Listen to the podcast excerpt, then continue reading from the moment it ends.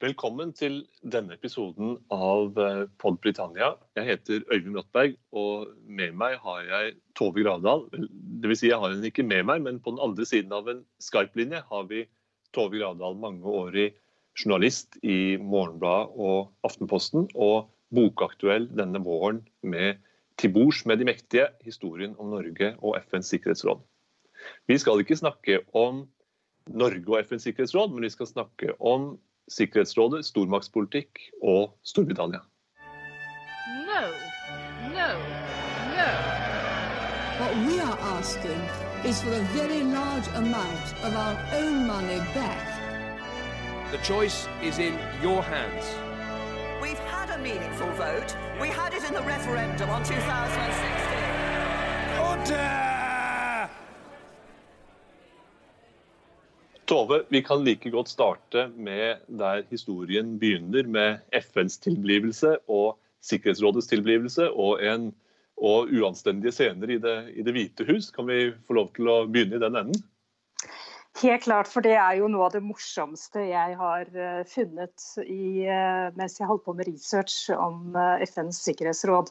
Det er en nakenscene rett og slett i Det hvite hus julen 1941. Da var Winston Churchill eh, en, eh, tross eh, krigen en ganske lykkelig mann, fordi USA hadde gått med på de alliertes side i kampen mot nazistene. Og Churchill hadde reist gjennom farefullt farvann med båt til USA for å legge strategien i kampen mot Hitler i Det hvite hus, sammen med president Franklin D. Roosevelt. Begge de to hadde litt uvanlige vaner de eh, jobbet mye i sengen. Og mm, de var, eh, ble gode venner, så de gikk ut og inn av hverandres rom der de oppholdt seg. Og så var det da denne julen at Roosevelt han hadde grublet på hva han skulle kalle denne alliansen av land som sammen kjempet mot Hitler. De skulle undertegne en felles erklæring rett over nyttår. Og så kom han på et veldig flott navn, syns han. Forente nasjoner. Uh, og det ble han så begeistret over. Han måtte dele dette, denne ideen uh, umiddelbart med Churchill og rullet inn Roosevelt uh, satt i rullestol, rullet inn på rommet hvor Churchill bodde og slo opp døren. Og der sto Churchill naken. Han hadde akkurat kommet ut av badekaret.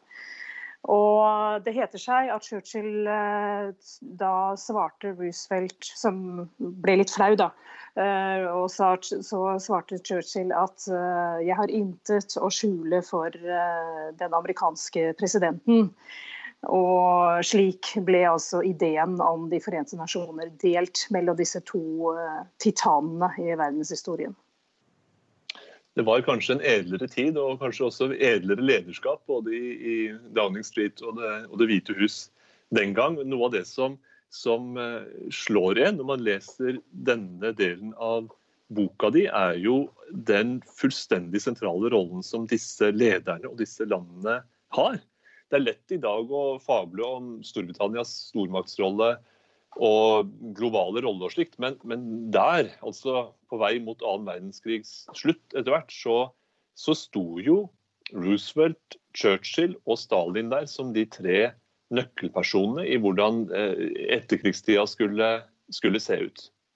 Ja, og det er jo fascinerende å tenke på at disse tre med sine feil og mangler, de klarte altså å hamre ut en visjon for hvordan verden skulle se ut etter krigen, mens krigen fortsatt pågikk. Vi har jo hørt om det berømte toppmøtet i Jalta i februardagene 1945, og bare to måneder senere, da Roosevelt var død og Harry Truman overtok presidentskapet etter ham, så møttes, altså, møttes altså 50 av verdens land i San Francisco den 25.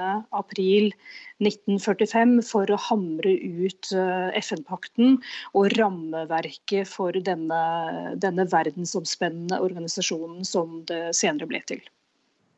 Det er ganske nøyaktig 75 år siden nå, og det er jo det er spennende å dvele ved denne våren. Jeg vil tro at mange kjenner igjen et, et bilde fra den Jalta-konferansen, som var en av mange planleggingskonferanser, strategiske konferanser underveis i krigen. Men på dette bildet sitter jo Churchill der sammen med Roosevelt og Stalin. Tre mektige menn i tre stoler. Kort tid før Roosevelt går bort, også kort tid før fredsslutningen. og Eh, og Churchills eh, valgnederlag samme sommer, det var en kolossalt begivenhetsrik tid. Avslutningen av annen verdenskrig, hvor det samtidig ble lagt veldig vesentlige føringer for hvordan alt skulle se ut etterpå. Ja, og Det er jo helt uh, fascinerende å lese om uh, denne, denne intense våren. Og det var jo mange uenigheter mellom disse tre titanene. Churchill og Roosevelt ble jo gode venner. Eh, men Churchill hadde jo et slags mindreverdighetskompleks overfor, eh, overfor, Roosevelt. Og da disse tre møttes, først i Teheran og så i Alta, så var Churchill hele tiden litt, sånn, litt usikker. Fordi han syntes at eh, Roosevelt og Stalin kom såpass godt overens at han begynte å tvile på sitt spesielle forhold til til, eh, til, den amerikanske presidenten. Og En av uenighetene som oppsto mellom disse tre landene, det var jo altså Ganske tidlig ble det klart at disse tre landene skulle ha en særstilling i denne etterkrigsorganisasjonen FN i form av eh, veto over de viktigste avgjørelsene i eh, FNs sikkerhetsråd, som ble utviklet som en av de viktige enhetene innenfor FN. Og Først var det Roosevelt som eh, kom med forslaget om å få med Kina som en av vetomaktene. Det syns de andre to ikke noe om, men eh, Roosevelt fikk sin vilje. Og Da kom Churchill på sin side med forslaget om å få med Frankrike som en eh, vetomakt i FNs sikkerhetsråd. Det syntes ikke de to andre noe om, men på dette punktet fikk Churchill sin vilje igjennom. Og Det er på mange måter litt rart å tenke på at Churchill, som eh, jo hadde et ganske komplisert forhold til det frie Frankrikes leder Charles de Gaulle, at han eh, insisterte på å gi Frankrike en så prominert prominent plass i etterkrigstiden. Eh, det er mange forklaringer på det, men det viktigste er nok at eh, Churchill var forutseende. Han så at så fort Hitler var beseiret, så kunne Stalin og Sovjetunionen oppstå som en større trussel i Europa. Og han ville derfor ha med seg en sterk uh, militærmakt på det europeiske kontinentet, uh, som, kunne, som britene kunne stå sammen med, uh, mot det som han forutseende nok så på som en ny trussel i Europa etter krigen. På dette punktet er det lett å gi Churchill rett i, i hvordan tiårene etter 1945 skulle, skulle se ut. Også FN ble jo veldig sterkt preget av eh, den kalde krigs logikk og motsetningen mellom to supermakter. Og Det bidro også til å blokkere mye arbeid i Sikkerhetsrådet, i det eh, Sovjetunionen aller oftest vel eh, fremmet sitt veto, og hvor motsetningene mellom de to supermaktene gjorde at man ingen vei kom. Hvordan vil du beskrive Storbritannias rolle i det spillet mellom Sovjetunionen og USA som også preget Sikkerhetsrådet? Eh, Storbritannia var jo helt klart på, det, på, amerikanernes side i det som eh, ganske fort ble en veldig polarisert situasjon mellom eh, Sovjetunionen og USA i Sikkerhetsrådet. Men så er det en veldig interessant ting som skjer i 1956. Da var FN kommet dit hen at Sovjetunionen faktisk vurderte å trekke seg ut fordi eh, de mente at både Sikkerhetsrådet og FN for øvrig var så dominert av de vestlige maktene.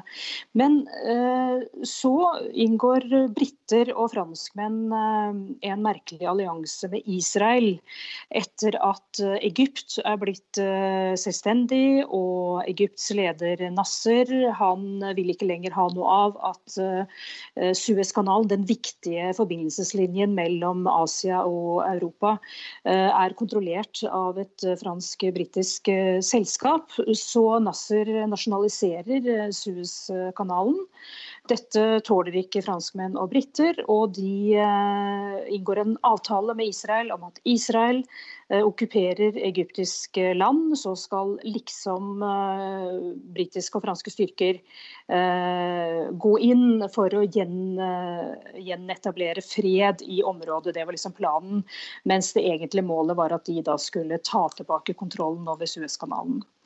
Dette skjer i oktober 1956, og det blir en katastrofe. Ikke minst fordi at eh, USA reagerer fryktelig sterkt på det når de oppdager at eh, at eh, briter, franskmenn og israelere nærmest har inngått et slags komplott for å gjenvinne kontrollen over Suezkanalen. Det fører til da splittelse mellom disse tre maktene i, eh, vestlige maktene i Sikkerhetsrådet. Eh, og Storbritannia og Frankrike nedlegger sine første veto i Sikkerhetsrådet da det kommer et resolusjonsforslag som fordømmer denne operasjonen. Og de får veldig, veldig sterk kritikk av eh, USA.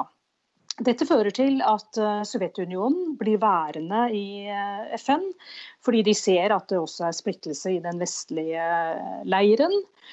Og det fører også til at britene dette, dette, var veldig vanskelig for britene å håndtere.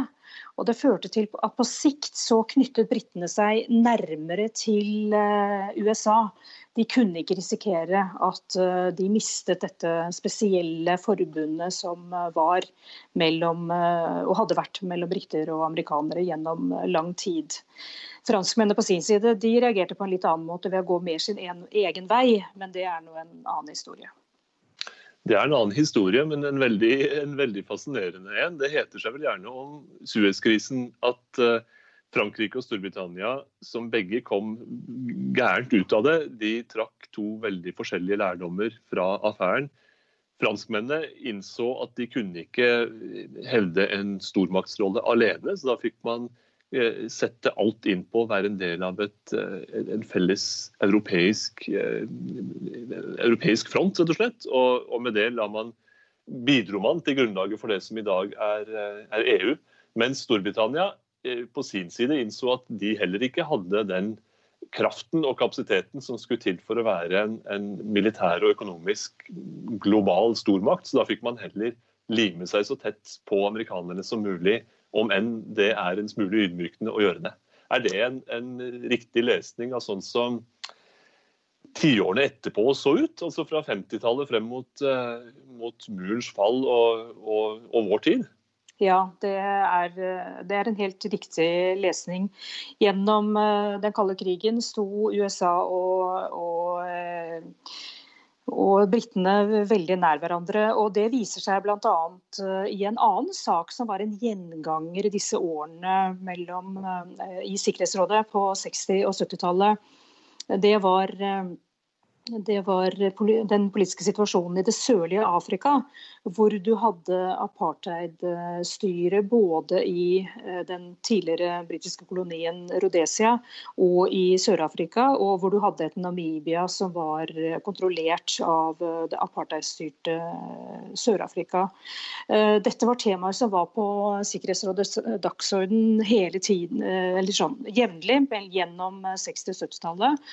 Og USAs første veto veto kom faktisk i 1971, så vidt jeg husker, eh, på spørsmålet om Rhodesia hvor eh, USA da stemte sammen med Storbritannia eh, og nedla veto mot et resolusjonsforslag hvor, hvor, det var en del afrikanske forslagsstillere som mente at britene skulle intervenere aller helst militært i sin tidligere koloni Rhodesia for å få slutt på eh, det hvite mindretallsstyret, selverklærte mindretallsstyret i Rhodesia, som var et brudd på det britene selv eh, hadde anmodet om i 1965, da de ba eh, om å opprette et delstyre med svarte og hvite i Rhodesia, noe da det hvite mindretallet i Rhodesia ikke aksepterte.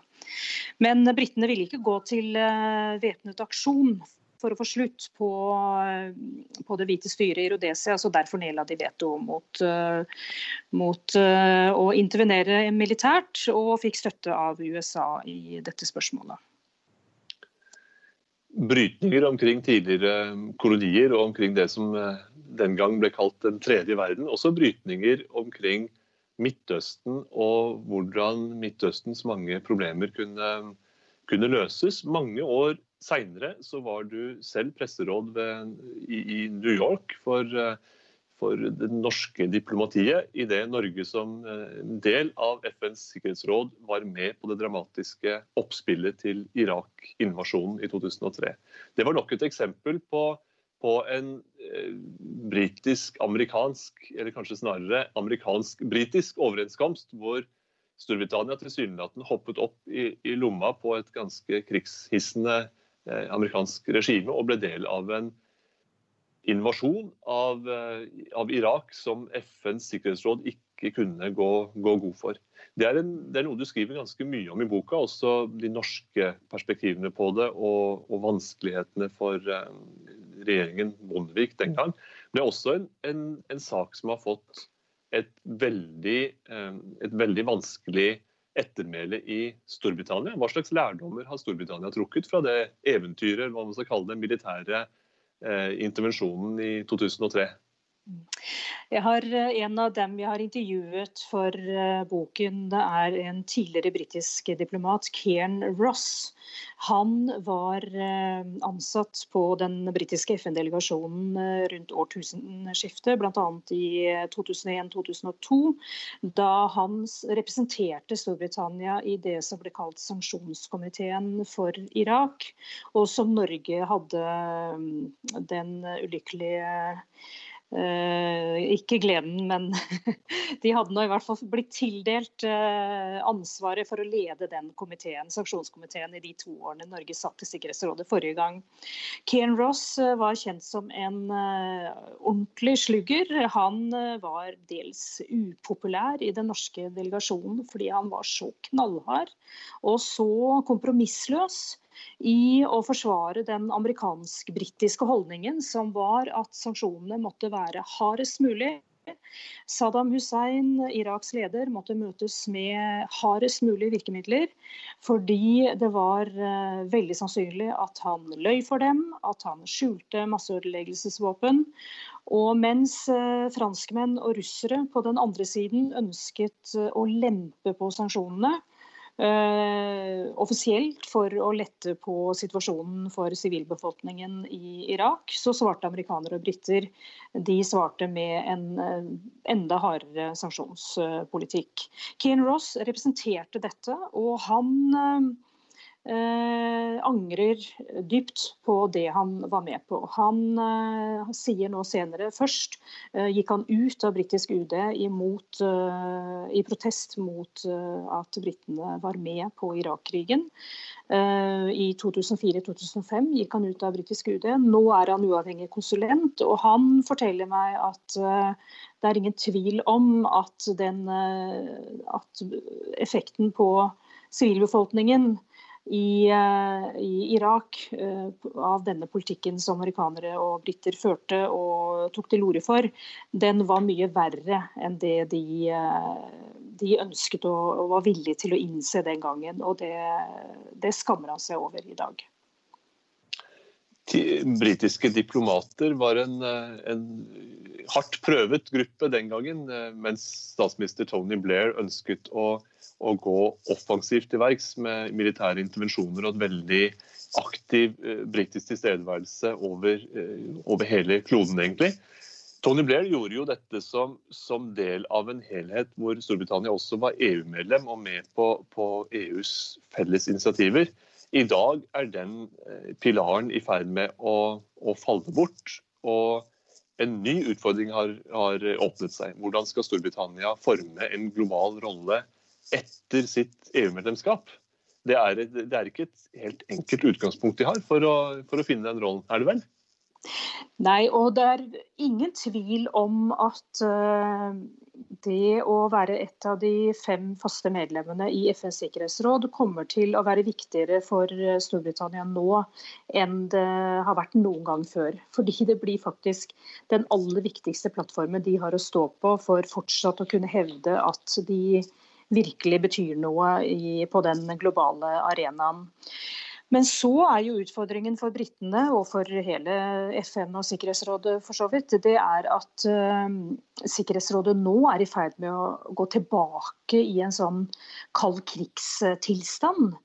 Hvor uh, nå har vi hatt i uh, ja, 25-30 år, siden 1990 og den kalde krigen tok slutt, så har Sikkerhetsrådet faktisk fungert ganske greit. Har fått til ting på flere områder og greid å bli enige om viktige resolusjoner som har gjort en forskjell i verden, noen av dem.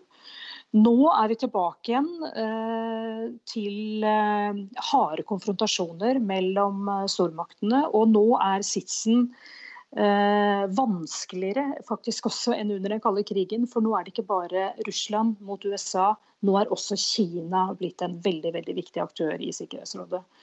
Og Eh, jo mer de står hardt mot hardt mot hverandre, vi ser det senest nå i eh, Sikkerhetsrådets diskusjoner om en mulig resolusjon om eh, koronapandemien.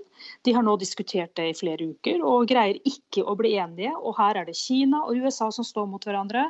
USA vil ha med i en resolusjon at viruset kommer fra Kina. Det nekter Kina for, og der står de og blir ikke enige. Og dette kommer vi til å se mye mer av i uh, årene fremover. Og det betyr at uh, jo mindre Sikkerhetsrådet greier å bli enig om resolusjonstekster som har betydning for verden, jo mindre viktig blir Sikkerhetsrådet, og dermed også britenes posisjon på den internasjonale arenaen. Og det er klart dette er utfordrende for Storbritannia. og Eh, og I Sikkerhetsrådet har jo ikke britene opptrådt som EU-medlem. Det gjør ikke franskmennene heller. De er veldig, Selv om de etter hvert har begynt å koordinere mer med EU, og sånn, så er det først og fremst i eh, kraft av sin eh, nasjonale posisjon at disse to landene opptrer som faste medlemmer av FNs sikkerhetsråd.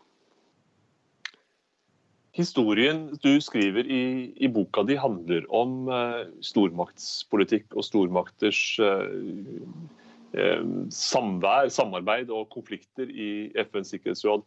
Men den, denne historien handler også om hvordan man, man syr sammen et internasjonalt nettverk av institusjoner, av avtaler, av spilleregler som gjør at både små og store skal kunne føle seg trygge. Og Også dette arbeidet har Storbritannia vært en, en uh, viktig del av.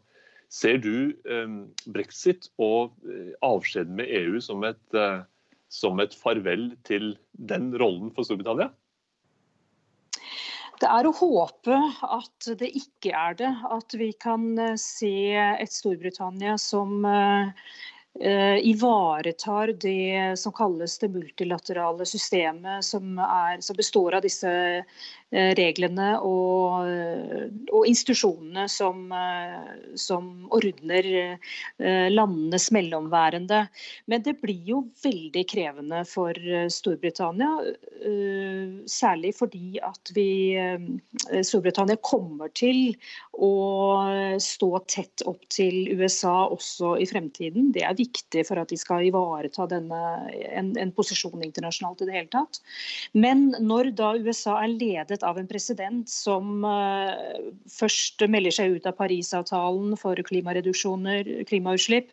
Uh, så trekker USA ut av uh, atomavtalen med Iran. Nå senest stanser bevilgningene til Verdens helseorganisasjon, en av FNs viktigste institusjoner.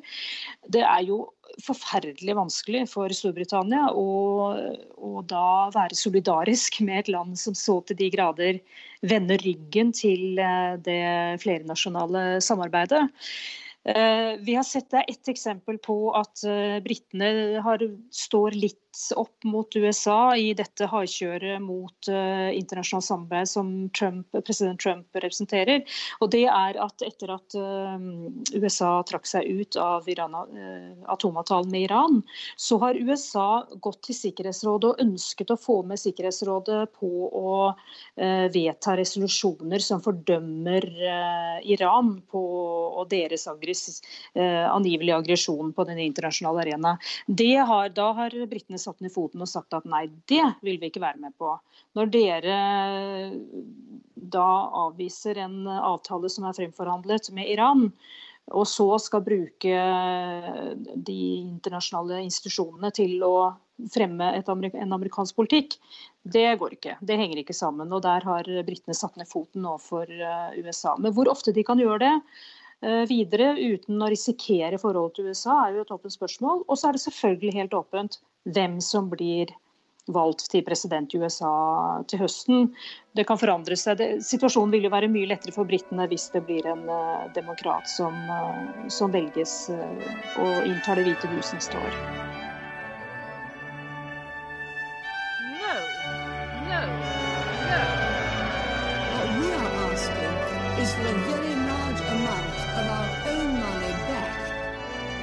Choice is in your hands.